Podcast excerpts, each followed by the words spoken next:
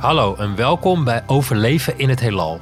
Een podcast van Origin Center, waarin ik met wetenschappers praat over het ontstaan en de evolutie van leven. Hier op aarde en op andere plekken in het heelal. Dit is aflevering 3, waarin we het onder andere hebben over de allereerste wezens die rondkropen over de aarde. Dat is het oerwezen waar we allemaal van afstammen. En we hebben het over leven op Mars. Dat daar misschien leven mogelijk zou zijn geweest. Of dat je daar misschien nog wel leven hebt.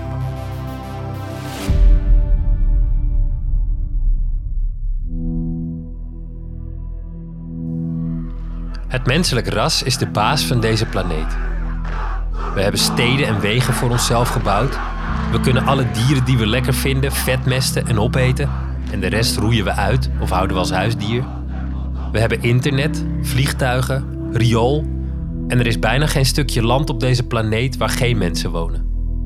Eigenlijk kan je je niet voorstellen dat er ooit een tijd is geweest waarin de aarde het zonder ons moest doen. Maar die was er wel. De hoeveelheid tijd die er nodig was om tot dit moment van onze werelddominantie te komen, is zo groot dat je het je slecht kan voorstellen. Maar er is een truc om het toch inzichtelijker te maken. Namelijk door de hele geschiedenis van planeet Aarde, alle 4,5 miljard jaar, samen te persen in één dag van 24 uur. Laten we bijvoorbeeld zeggen in een woensdag. Als je dat doet, dan verloopt die woensdag ongeveer zo. Om 12 uur s'nachts begint het feest. Of nou ja, een feest is het niet, want de aarde lijkt op dat moment vooral op een oorlogsgebied. De ene naar de andere meteoriet slaat in, er drijven overal gifgassen door de lucht en het is ook nog eens dodelijk heet. Gelukkig wordt het na niet al te lange tijd wat minder demonisch. En dan, al heel vroeg, om 4 uur s'nachts, ontstaat het eerste leven. Het zijn wezentjes die uit één cel bestaan. Ze zwemmen een beetje rond, planten zich voort maar dat is het dan ook wel. En dan verandert er 16 uur lang helemaal niks. Van 4 uur s'nachts tot ongeveer half negen 's avonds lukt het geen enkele eencellige aardbewoner om zich verder te ontwikkelen.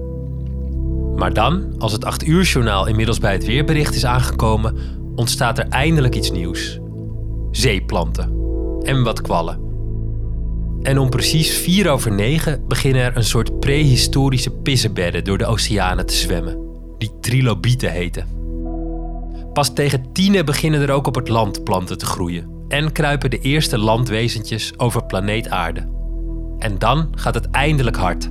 Er ontstaan bossen, er beginnen insecten rond te vliegen en als het bijna 11 uur 's avonds is, zetten de dinosaurussen voet op de aarde totdat ze om 11 uur 39 in één klap worden uitgeroeid en daarmee de weg vrijmaken voor de zoogdieren. En dan, 1 minuut en 17 seconden voor middernacht, zijn wij er. De mens. Nou ja, de allereerste prehistorische mensachtige wezens. De periode vanaf de allereerste beschavingen tot aan nu, tot aan ons, duurt niet meer dan een paar seconden. Alle koninkrijken die ooit hebben bestaan, alle oorlogen die hebben gewoed, alle religies die elkaar de tent uit hebben gevochten, maar ook alle wijn die er ooit is gedronken, alle bitterballen die te heet werden doorgeslikt, alle verjaardagen waarop de visite naar huis ging voor het echt gezellig werd, alle concerten van de Blue Man Group, iedereen die ooit heeft meegedaan aan Ter Land, Ter Zee en in de lucht, maar uit de uitzending werd geknipt, al het overbodige geleuter in alle talkshows ooit, alles wat wij geschiedenis noemen en dat ons heeft gemaakt tot wie we nu zijn, vond plaats in een paar luttele seconden van een lange woensdag.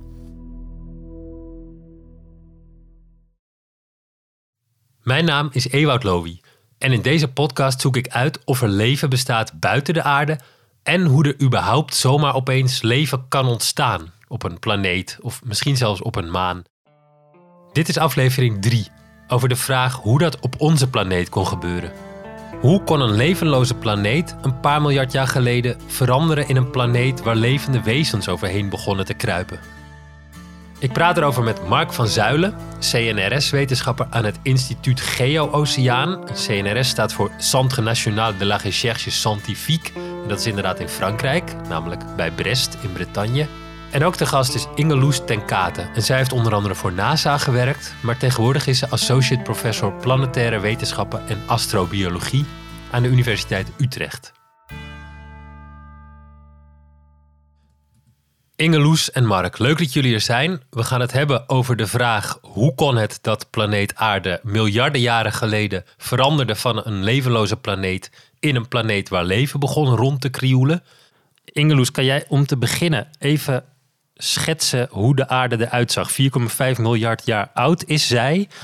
Wat was dat voor plek? Ja, ik zou willen dat ik dat een beetje realistisch kon schetsen. Want we hebben niet zoveel, uh, we hebben niet zoveel materiaal waarmee we echt goed kunnen terugkijken. Uh, maar goed, op 4,4 miljard jaar hadden we al een maan.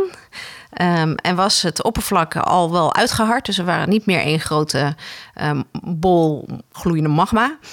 Um, en er was waarschijnlijk ook een, een grote oceaan al. En daarnaast is de vraag dus een beetje: was die oceaan, uh, bedekte die de hele planeet? Uh, er zijn aanwijzingen dat dat inderdaad het geval is.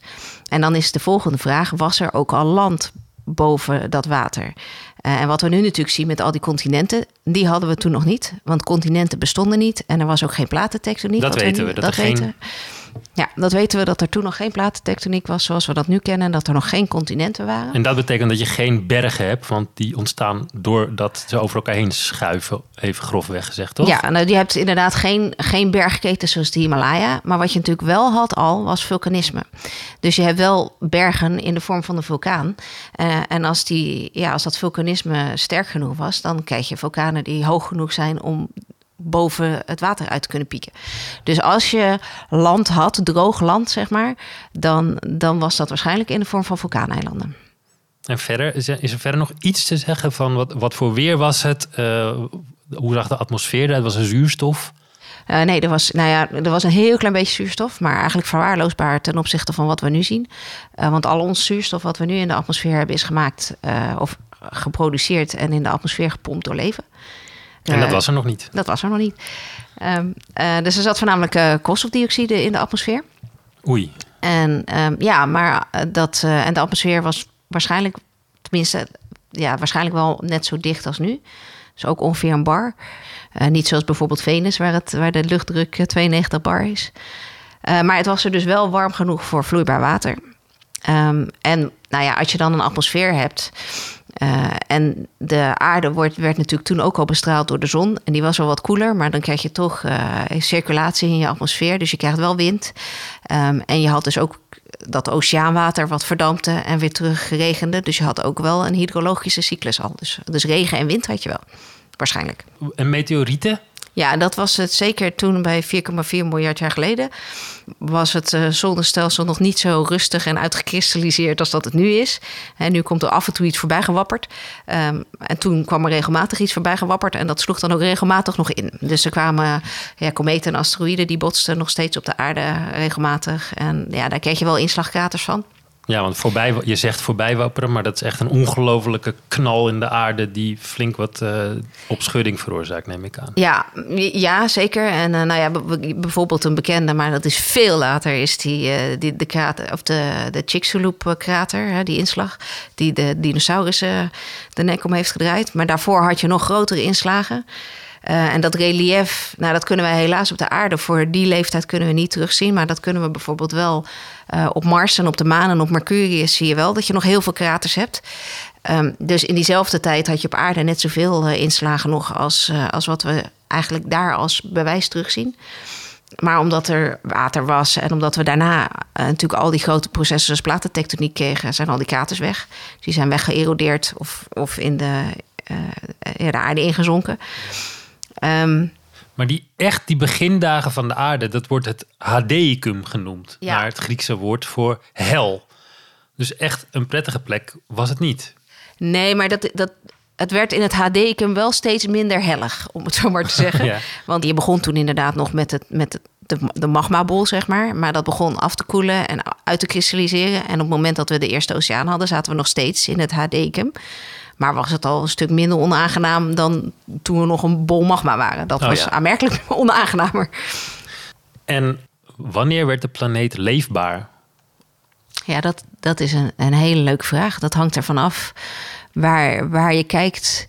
Aan de ene kant, zoals wij ons leefbaar voorstellen, ga je nadenken over ehm, er moet dus land zijn en er moet, je moet boven het water zitten. Ehm, maar ja, er zijn allerlei verschillende hypotheses. En leven kan ook ontstaan zijn uh, op de oceaanbodem. En dan heb je dus helemaal geen land nodig. Um, dus ja, de aarde is waarschijnlijk heel vroeg leefbaar al geweest. Dus waarschijnlijk rond die 4,4 miljard jaar geleden was, er, ja, was het eigenlijk gewoon mogelijk om voor leven om te ontstaan.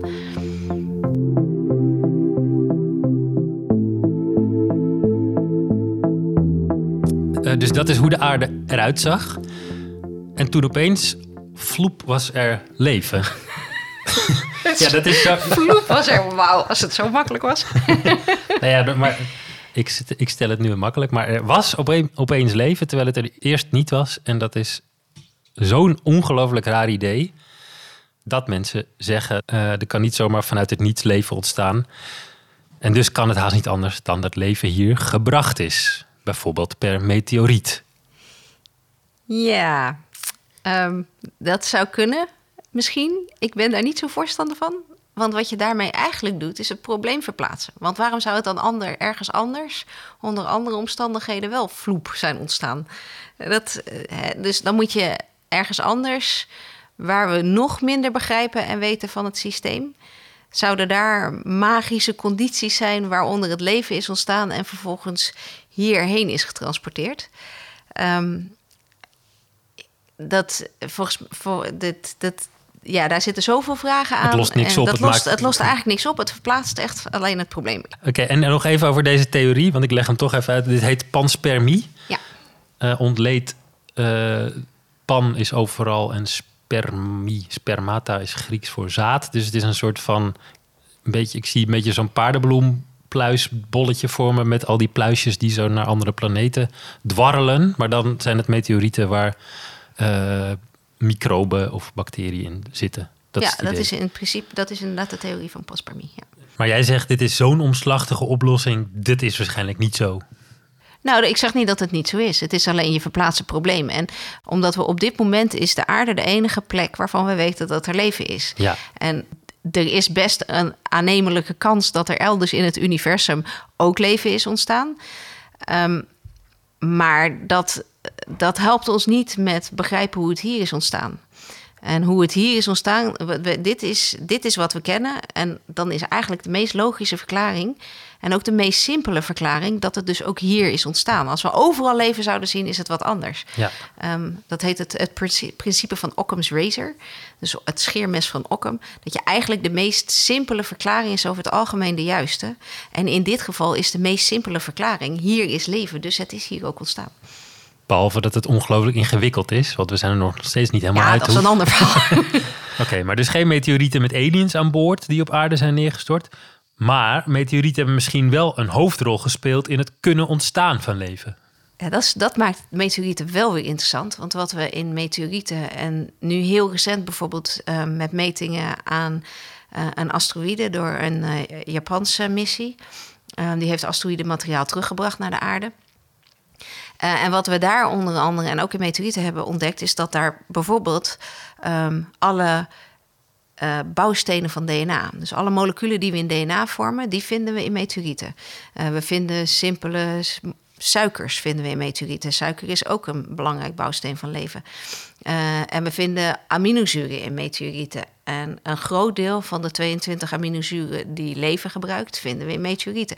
Dus we vinden wel heel veel bouwstenen waar uiteindelijk die leven ook gebruikt, essentiële moleculen, die vinden we wel in meteorieten. Maar dat, dat kan natuurlijk twee dingen zeggen. Je kunt dan denken, die bouwstenen die worden gevormd nou, ergens niet per se hier op aarde en worden vervolgens door inslagen hier gebracht. En vervolgens zijn die bouwstenen gebruikt uh, en is daar leven uit ontstaan. Ja, dus dat ze essentieel waren voor ons, voor het ontstaan van leven, omdat we die building blocks nodig hadden. Ja, dat is de ene kant. Maar aan de andere kant kun je natuurlijk ook denken van... nou ja, als ze zo makkelijk gevormd kunnen worden, klaarblijkelijk... dat we ze overal in meteorieten en een deel ervan ook in kometen tegenkomen...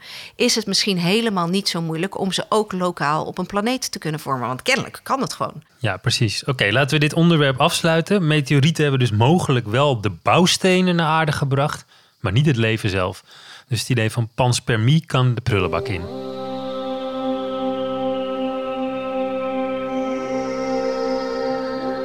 We gaan ervan uit dat het leven op onze planeet vanzelf is ontstaan.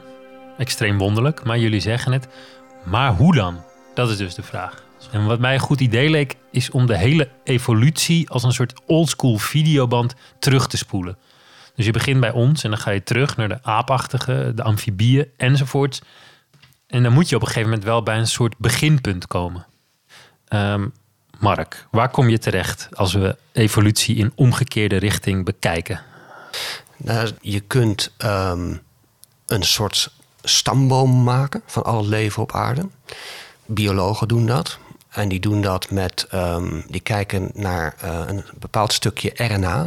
Dat is bijna hetzelfde als DNA, zeg maar. Een stukje van onze erfelijke code. Ja. Die je in alle organismen kunt meten. Ja. En dan kan je bijvoorbeeld vaststellen dat, dat, dat mensen en chimpansees bijna hetzelfde eh, RNA hebben.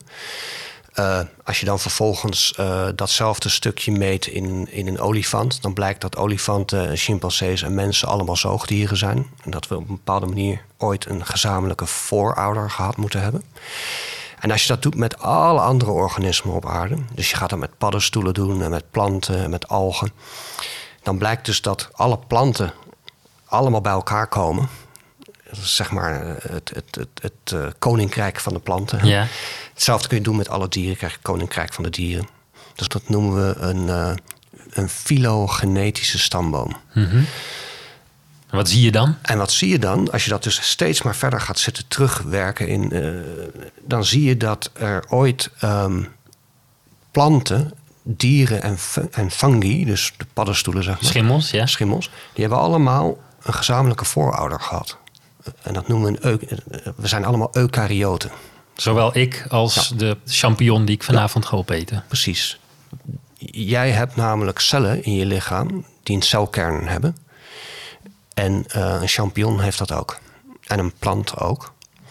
Maar bacteriën hebben dat niet. Dus als je dat stukje RNA gaat bekijken van bacteriën, ja. dan kom je een heel ander soort stamboom maak je dan. Dan kun je ook weer vaststellen dat bepaalde bacteriën een gezamenlijke voorouder ja, een andere tak van de boom eigenlijk. Ja. Gewoon echt een hele andere branch in, de, in precies. het begin al. En dan blijkt dus dat die twee branches, zeg maar, dus de bacteriën en de eukaryoten, die komen met z'n tweeën ergens ooit bij elkaar. En er is nog een derde uh, stamboom, zeg maar. Dat zijn de archae. Mm Dat zijn hele vreemde organismen. En die drie grote groepen, die komen bij elkaar op een bepaald punt. En dat is het oerwezen waar we allemaal van afstammen. Ja. Dat wordt de Last Uniform Common Ancestor genoemd, LUCA. En dat denken we dat dat zo is, omdat zelfs als je naar bacteriën kijkt, er is een stukje in het RNA dat wij ook hebben. Dus er is een overeenkomst tussen bacteriën en mensen bijvoorbeeld. En archaïe en mensen. Er is een stukje wat we allemaal hebben. Ja. En dat zat in de Last Uniform Common Ancestor. Is het eigenlijk echt één wezentje geweest? één organisme waar we allemaal uit ontstaan zijn? Nou, er moet eentje de laatste geweest zijn waar we allemaal van afstammen. Ja, oké. Maar deze is wel echt... Er heeft één mini-beestje rondgelopen op planeet aarde... Waar, wij, waar al het leven op aarde uit ontsproten is. Ja, het kan goed zijn dat er allerlei andere organismen waren al in die tijd. Maar er is er eentje waar de rest vanaf komt. Ja, ja. Er is nog een ander idee, vind ik, word ik echt een beetje duizelig van, van dat idee.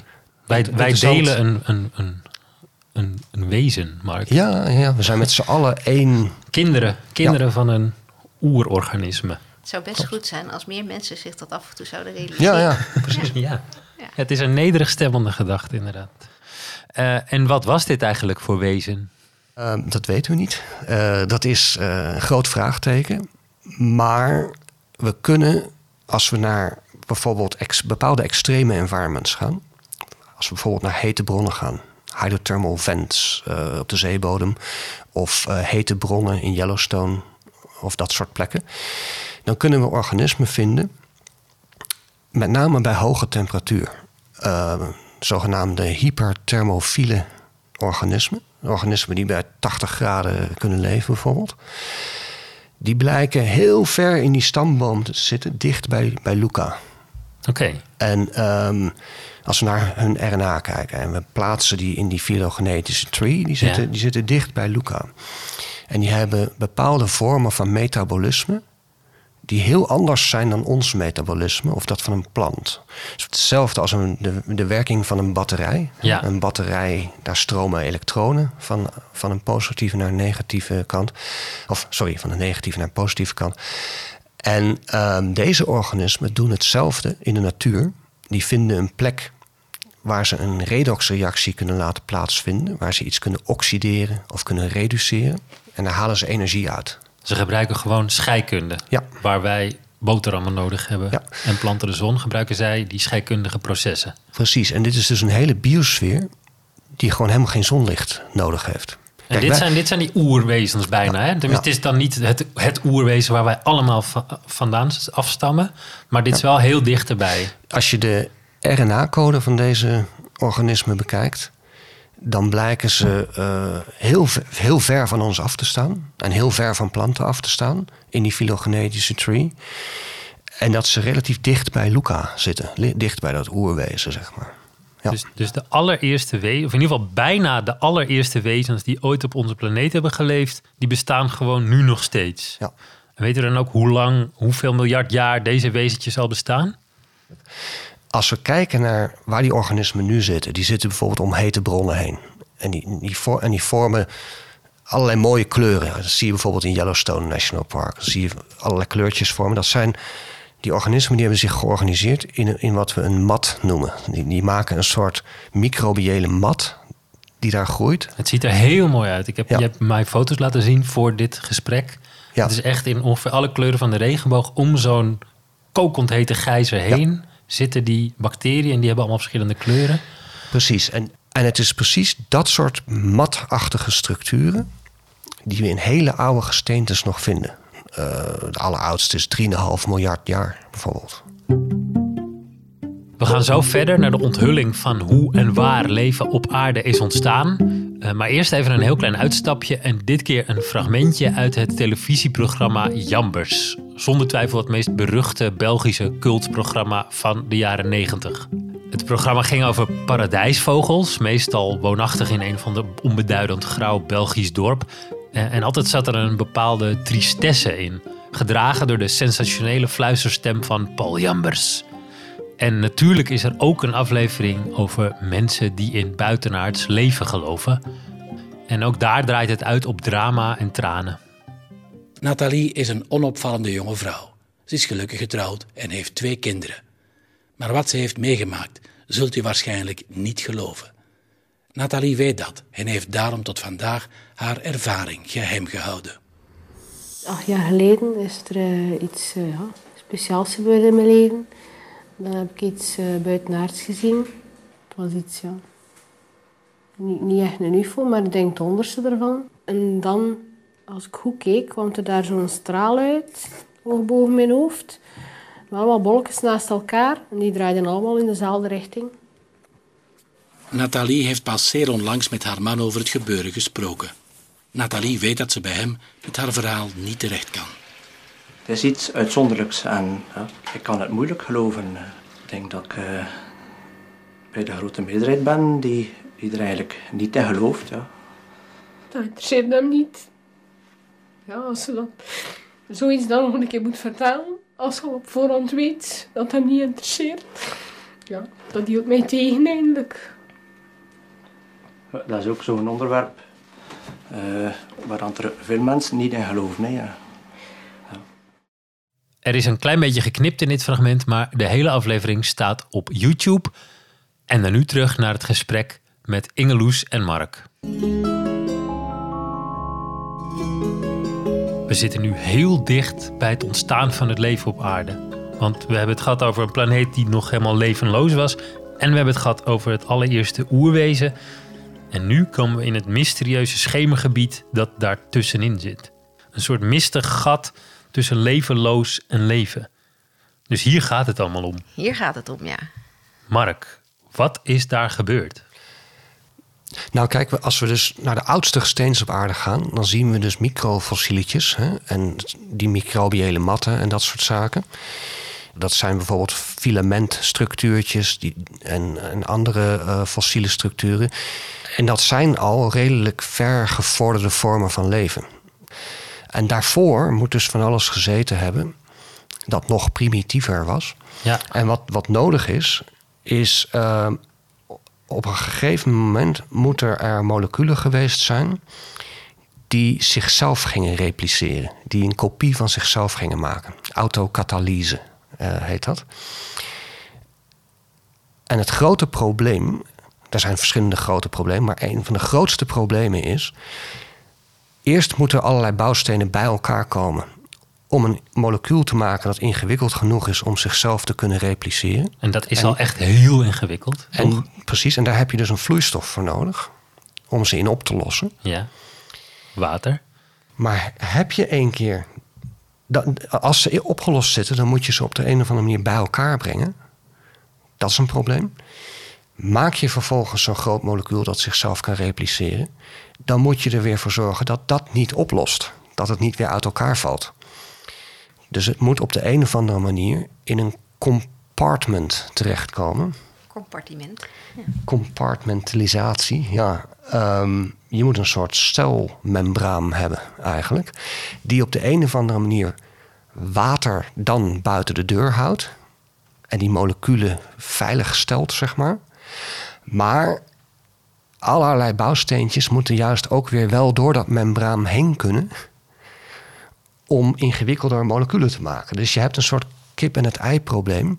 Je hebt aan de ene kant water nodig om dingen in op te lossen, maar je hebt vervolgens water weer niet nodig om moleculen die gemaakt zijn te behouden eigenlijk.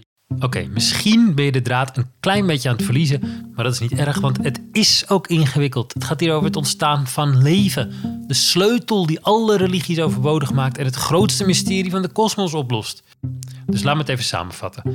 Tussen een levenloze planeet en het eerste leven zit eigenlijk een soort tussenwereld van scheikundige processen. En dat betekent dat er waarschijnlijk voor het eerste leven een molecuul geweest is dat zichzelf kon repliceren. Alleen dan zit je weer met de vraag: hoe is dat molecuul dan ontstaan? Nou zijn moleculen op zichzelf helemaal niet zo zeldzaam, die heb je overal, dus dat is het probleem niet. Alleen dat zijn hele simpele kleine molecuultjes. Maar met die kleine molecuultjes kun je grotere moleculen maken. Want als ze elkaar tegenkomen, dan gaan ze met elkaar reageren en aan elkaar plakken. En zo kunnen ze steeds ingewikkeldere structuren vormen. Maar goed, dan moeten die molecuultjes elkaar dan dus wel eerst per ongeluk tegenkomen. Dus stel je bent een simpel molecuultje en je wil andere molecuultjes ontmoeten om samen verder te gaan als iets complexers, dan moet je haast wel eerst oplossen in water, want dan kun je in ieder geval vrij bewegen. Alleen als je eenmaal als eenzaam molecuultje in een eindeloze oceaan dobbert, kom je bijna geen andere molecuultjes tegen. En als je aan andere tegenkomt, dan is dat water waar je in zit opeens vreselijk irritant, omdat je dan alle kanten opspoelt voordat je met weer allemaal andere moleculen echt iets ingewikkelds kan gaan maken. Zoals uiteindelijk iets wat zichzelf kan vermenigvuldigen. Dus dit is een beetje het grote vraagstuk. Hoe kunnen heel veel kleinere molecuultjes elkaar vinden en vervolgens ook bij elkaar blijven zitten? Daar hebben heel veel uh, wetenschappers mee geworsteld met dat probleem. Een van de eerste was Charles Darwin eigenlijk. Uh, en zo komen we bij Darwin's Little Pond. Warm Little Pond, zoals hij het noemde. Dit de befaamde oersoep? Ja. Er moet erbij gezegd worden, Darwin was een geweldige naturalist, maar niet zo'n goede scheikundige. Um, en zijn idee was heel simpel hierover. Hij zei, ja, je lost gewoon alles op in een klein, in een, in een little pond, ja. een soort vijvertje. En zit het één keer in zo'n vijvertje, dan laat je dat vijvertje gewoon droog koken. Ja. Je laat het gewoon indampen, zeg maar. En als het aan het indampen is, gaan al die moleculen steeds harder met elkaar reageren tot er ingewikkelde moleculen komen. En op een gegeven moment, en dat is gewoon kans, is er een molecuul dat zichzelf begint te repliceren. Ja, het zal de eerste keer niet lukken, het zal de tweede keer niet lukken. Maar als je het honderd keer of miljoen keer doet, zal, het wel, zal er wel een keer iets levends uitkomen. En dat is de oersoeptheorie, zeg maar. Dat je gewoon een soort soep hebt in een vijvertje. En je wacht gewoon een paar honderd miljoen jaar. En op een gegeven moment is er iets ingewikkeld genoeg. Een aminozuur dat met een ander aminozuur reageert. En op een gegeven moment begint dat te repliceren. Dat kan niet, weten we nu. Dat, dat werkt gewoon niet. Nee. Waarom niet? Omdat uh, je kunt de boel één keer droog koken. En dan heb je eigenlijk uh, een vaste stof gemaakt die helemaal niks meer doet. Want als het een keer vast zit, dan beweegt helemaal niks meer. Dan gaat niks meer reageren. Dan gebeurt er niks meer. Ja, een beetje zo'n zo'n bodempje aangekoekte ja. uh, tomatensoep in je pan. Precies, ja. En als je het gewoon soep laat zijn, de kans dat dan moeilijke moleculen ontstaan, dat is een extreem kleine kans. Het idee dat wij allemaal uit een grote pot oersoep zijn gekropen klopt niet. En dus is er nog steeds het probleem: hoe kon het gebeuren dat er allemaal moleculen bij elkaar kwamen en met elkaar gingen reageren en vervolgens ook nog eens bij elkaar bleven, totdat er een soort eerste proto-leven ontstond dat zichzelf kon repliceren? En er komt nog wat bij, want als je kopietjes van jezelf wil maken, dan heb je daar energie voor nodig. En de vraag is dus hoe en waar dat allemaal kon gebeuren in de begindagen van de aarde. En daar zijn verschillende theorieën over, maar veel wetenschappers denken dat het leven wel eens kan zijn ontstaan op de bodem van de oceaan. Een van die wetenschappers is Eloy Campoubry. Hij is fellow van het Origins Center en in een filmpje op de YouTube-pagina van Origins legt hij uit waarom de bodem van de oceaan wel eens de plek kan zijn geweest waar het leven ontstond. Dus we gaan even een paar seconden luisteren naar Eloy. There is actually a very special place where these two types of fluids would meet at the bottom of the ocean. We not only have these different molecules with different amount of electrons, but we also find that the basic fluids meet the acidic ocean, and that difference in their state is potential energy that could be used as long as the both fluids don't initially mix. Ingeloes, kan jij uitleggen wat vertelt Eloy hier? Nou, wat Eloy hier uitlegt is dat we op de oceaanbodem een omgeving kunnen vinden um, waar uh, condities um, goed zijn voor leven. En wat, wat we daar namelijk zien is dat er zuur oceaanwater, en dat water is zuur omdat daar CO2 uit de lucht in is opgelost. Dus zuur oceaanwater zijpelt de oceaanbodem in en wordt daar verhit. En terwijl het verhit wordt, worden daar elementen uit de oceaanbodem in opgelost, zoals bij een espresso-machine. Uh, en dat water, warme water onder druk, wordt weer naar buiten geperst. En dan gebeuren er eigenlijk twee dingen. Um, allereerst wordt het water basischer, dus het, de zuurtegraad gaat omlaag. Dus wat je dan krijgt is dat je basiswater uit de bodem in een zure oceaan spuit. En dan krijg je dus een, een verschil in zuurtegraad. Um, en daar, dat is een, een, een vorm van energie. Oké. Uh, en die energie heeft uiteindelijk leven nodig, maar die hebben, hebben ook de processen die naar leven toe leiden. Heeft, zo'n, heeft een energiebron nodig. En dat verschil in zuurtegraad is een energiebron. Ja. Dus dat is het eerste. En het tweede wat er gebeurt, is dat die elementen die opgelost waren in het water, die elementen die kunnen niet meer in die oplossing blijven. Dus die slaan weer neer. Waarom kan dat niet? Ja, omdat op het moment dat dat water, dat hete water, die oceaan weer instroomt, waar het koeler is, dan verandert de, uh, de, de, opslagcapaciteit van dat water. Uh, en die kunnen elementen, die kunnen niet meer in dat water blijven, dus die slaan weer neer. Die blijven niet meer opgelost. Um, en dat, dat slaat dan niet neer als een, als een dun laagje, maar dat, dat slaat dan neer. En die elementen gaan wel weer reageren en die vormen dan nieuwe mineralen. En die, dat bouwt zich eigenlijk op als een soort van schoorsteen. Dus, een, dat, dus in, in, he, dus een klein hoopje en dan, dan moet dat water en dan, dan, dan slaat er wat aan de zijkant neer. Dus je krijgt een soort van schoorsteentjes. Een soort watervulkaantjes bijna. Ja, dus je zou bijna watervulkaantjes kunnen noemen. Ja. Uh, en, en, maar die elementen die slaan dan niet neer als een solide blok van mineralen, um, maar die zijn veel poreuzer. Dus als je de, de huidige vorm van dit soort schoorsteentjes, want die vinden we nog steeds overal op de oceaanbodem, als je die nu bekijkt, dan zie je dat er allemaal poriën en gangetjes en zo in zitten. Um, en omdat je in die schoorsteentjes dus die poriën hebt, kan er water uit de oceaan kan daarin gevangen worden. En omdat het, ja, dat het best moeilijk is, omdat die openingen heel klein zijn, heb je niet zoveel interactie met daarbuiten. Dus het water wat erin zit, blijft daar ook in zitten. En dan heb je ineens een afgesloten ruimte waar allerlei reacties kunnen plaatsvinden. Oké, dus het zou kunnen dat het leven is ontstaan in de poriën van schoorsteentjes op de bodem van de oceaan. En zo'n porie, dus zo'n gaatje in dat steen, dat is dan eigenlijk een soort voorloper van wat later een cel zou worden. Dus een omhulsel dat allemaal moleculen bij elkaar houdt. Uh, Mark, dat is dus de ene theorie. En de andere, of een andere theorie, maar een beetje de tegenhanger is dat mensen zeggen: nee, het, dat leven dat is juist op land ontstaan. Hoe zit dat? Een ander idee is dat als je die hete bron nou op land hebt zitten. Dus, uh, en we zien dat heel veel uh, nu. Hè? Yellowstone National Park is een voorbeeld. Een ander voorbeeld waar ik aan gewerkt heb is in de Atacama-woestijn, de El Tatio Geothermal Field. Dat zijn dus gijzervelden. gijzervelden. Um, daar heb je dus ook de mogelijkheid um, om al die gradiënten te hebben uh, waar Ingeloes het net over had. Maar je hebt nog een andere uh, factor. En dat is dat probleem van Darwin's Warm Little Pond was dat je, je, je, je dampt dat in en dan kan je niks meer. Maar in dit soort hete bronnen heb je de interessante situatie. Je kent dat wel, een gijzer, dat, dat zo'n waterbron die opeens een soort explosie heeft. Hè? En dan is er zo'n hele spray zeg maar, van uh, water dat overal neerdwalt en stoom, stoom en dat soort dingen. En dat gaat in cycli. Om de twee, drie minuten opeens dan uh, begint hij te spuiten. En dat betekent dat je dus eigenlijk dat je die hete bron als een soort Darwin's Warm Little Pond kan zien. Je hebt een soort kuiltjes, zeg maar, ja. minuscule vijvertjes vormen, die droog staan en opeens weer gevuld worden. Omdat een gijzer die even verderop uh, staat aan het, aan het uh, exploderen is. Dus je hebt de hele tijd een soort um, droog dampen en weer vochtig worden in cycli.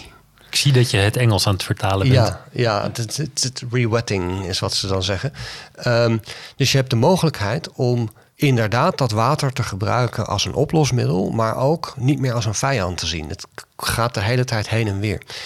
En daar hebben dus allerlei wetenschappers over nagedacht. Um, dat als je zo'n hete bron hebt, dan heb je eigenlijk precies hetzelfde als zo'n hydrothermal vent op de oceaanbodem. Maar je hebt de interessante bijkomstigheid dat je water kan laten indampen. Maar hoe is dat dan anders dan die oersoeptheorie van Darwin? Het is eigenlijk toch weer gewoon terug naar Darwin. Ja. Maar met de bijkomstigheid dat we nu een cyclus hebben. Van indampen en opnieuw weer bijvullen. Oh, en Darwin dacht het is één keer vol met water en daarna ja. verdampt het. Nou, wat hij eigenlijk dacht is dat het niet helemaal indampt... maar dat je gewoon een, een soort soep hebt, een oersoep. Heel geconcentreerd. Een geconcentreerde soep van alles gebeurt. Soort, als, je bouillon heel lang laat inkoken, krijg je ook zo'n hele sterke bouillon. Dus hij dacht, ja, als je dat ook doet met een soort water waar allemaal moleculen in zitten, dan heb je een soort supersterke uh, oersoep. En gaat van alles met elkaar reageren. Ja, en daar moet wel leven uit ontstaan. Ja. Dat dacht hij. Ja, dat is op zich ook een, goed, uh, een, een goede theorie eigenlijk. Alleen um, is er daarna vaak gezegd dat de kans dat er iets gebeurt gewoon klein is. Ja. En, maar als je dus even dezelfde analogie neemt nu uh, en je zegt: Oké, okay, we hebben zo'n oersoep en we gaan die zeg maar indampen. En vervolgens gaan we er opeens weer water bij gooien. En vervolgens gaan we de boel weer indampen. En vervolgens gooien we er weer water bij en gaan we weer indampen. Dan heb je een cyclisch uh, proces dat de hele tijd bouwstenen kan aanvoeren. Via dat, die spetters uit die gijzer. Ja, ja. Ja, en um, moeilijke, ingewikkelde moleculen die in celmembranen vast zijn komen te zitten, die bewaard blijven, die niet ja. verloren gaan. Ja. En dan kan je het steeds ingewikkelder maken.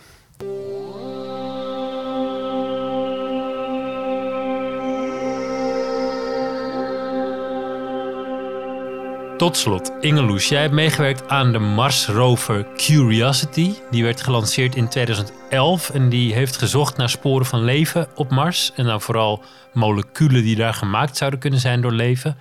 Er rijden inmiddels al nieuwe rovers rond. Uh, wat verwacht jij van de zoektocht naar leven op Mars de komende tijd? Nou, ik denk dat we op Mars snel op een andere manier moeten gaan uh, zoeken. Want uh, dit is een hele interessante manier. Maar als we echt op zoek willen naar leven, moeten we met andere instrumenten gaan zoeken die, die veel specifieker aanwijzingen van leven kunnen gaan uh, bekijken. En moeten we denk ik ook op andere plekken gaan zoeken. want wat we nu hebben gedaan is op Mars zijn er een aantal regio's geïdentificeerd als beschermd, waar we niet naartoe gaan, omdat we daar toch bepaalde aanwijzingen zien waarvan we denken dat daar, dat daar misschien leven mogelijk zou zijn geweest. Of misschien zelfs nu nog wel, uh, als, als er leven ooit is geweest, dat, daar, dat je daar misschien nog wel leven hebt. Wat dan het grootste deel van de tijd uitgedroogd is, maar als er een beetje water is, ineens weer kan gaan leven. Oké, dus het is niet uitgesloten dat er leven op Mars is. Nou, in het, in het denkpatroon voor dit soort missies wordt dat niet uitgesloten. En daar wordt expres wordt er niet naar dat soort regio's gegaan op dit moment, omdat je toch op bepaalde tijden uh, van de dag op het oppervlak van Mars een heel, hele korte tijd, een paar minuten water, vloeibaar water kan hebben. Um, en als je als missie vanuit de aarde daar naartoe gaat, we maken die, uh, die missies zo goed mogelijk schoon. Maar we kunnen maar schoonmaken tot wat we kunnen meten. Dus op een gegeven moment zitten we. Zijn de instrumenten kunnen niks meer meten, maar dat betekent nog steeds niet dat er niks is. Want er kan nog steeds een heel klein beetje leven meegaan in de vorm van bacteriën. En stel dan dat het daar blootgesteld wordt aan water, dan zou je daar aards leven kunnen brengen.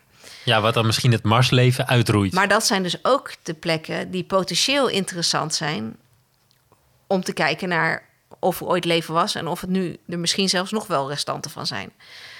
Um, maar de reden waarom in mijn oogpunt, en de, de, daar, daar zijn meerdere wetenschappers die daar zo over nadenken, waarom we toch op uh, korte termijn moeten denken, we moeten daar wel naartoe en ook echt met specifieke missies die nog veel beter kunnen zoeken dan naar leven, is omdat er ook allerlei uh, particuliere initiatieven zijn die ook graag naar Mars willen en dan met mensen.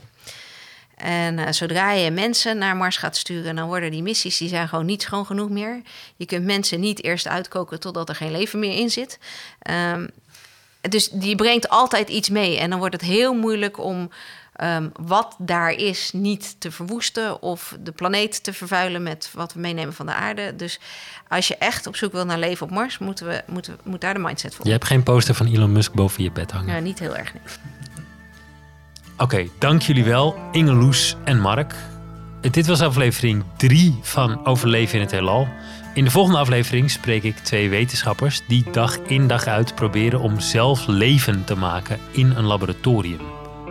Overleven in het Heelal is een podcast van Origin Center. Veel dank aan de gasten van deze aflevering, Inge Loes ten Katen en Mark van Zuilen. Deze podcast wordt geproduceerd door mij, Ewout Lowy, met hulp van Aike van Oort en Jim Ottelee. Dank ook aan Wiggertje Postma voor de eindredactie. En abonneer je op deze podcast in je podcast-app om niks te missen. Bedankt voor het luisteren.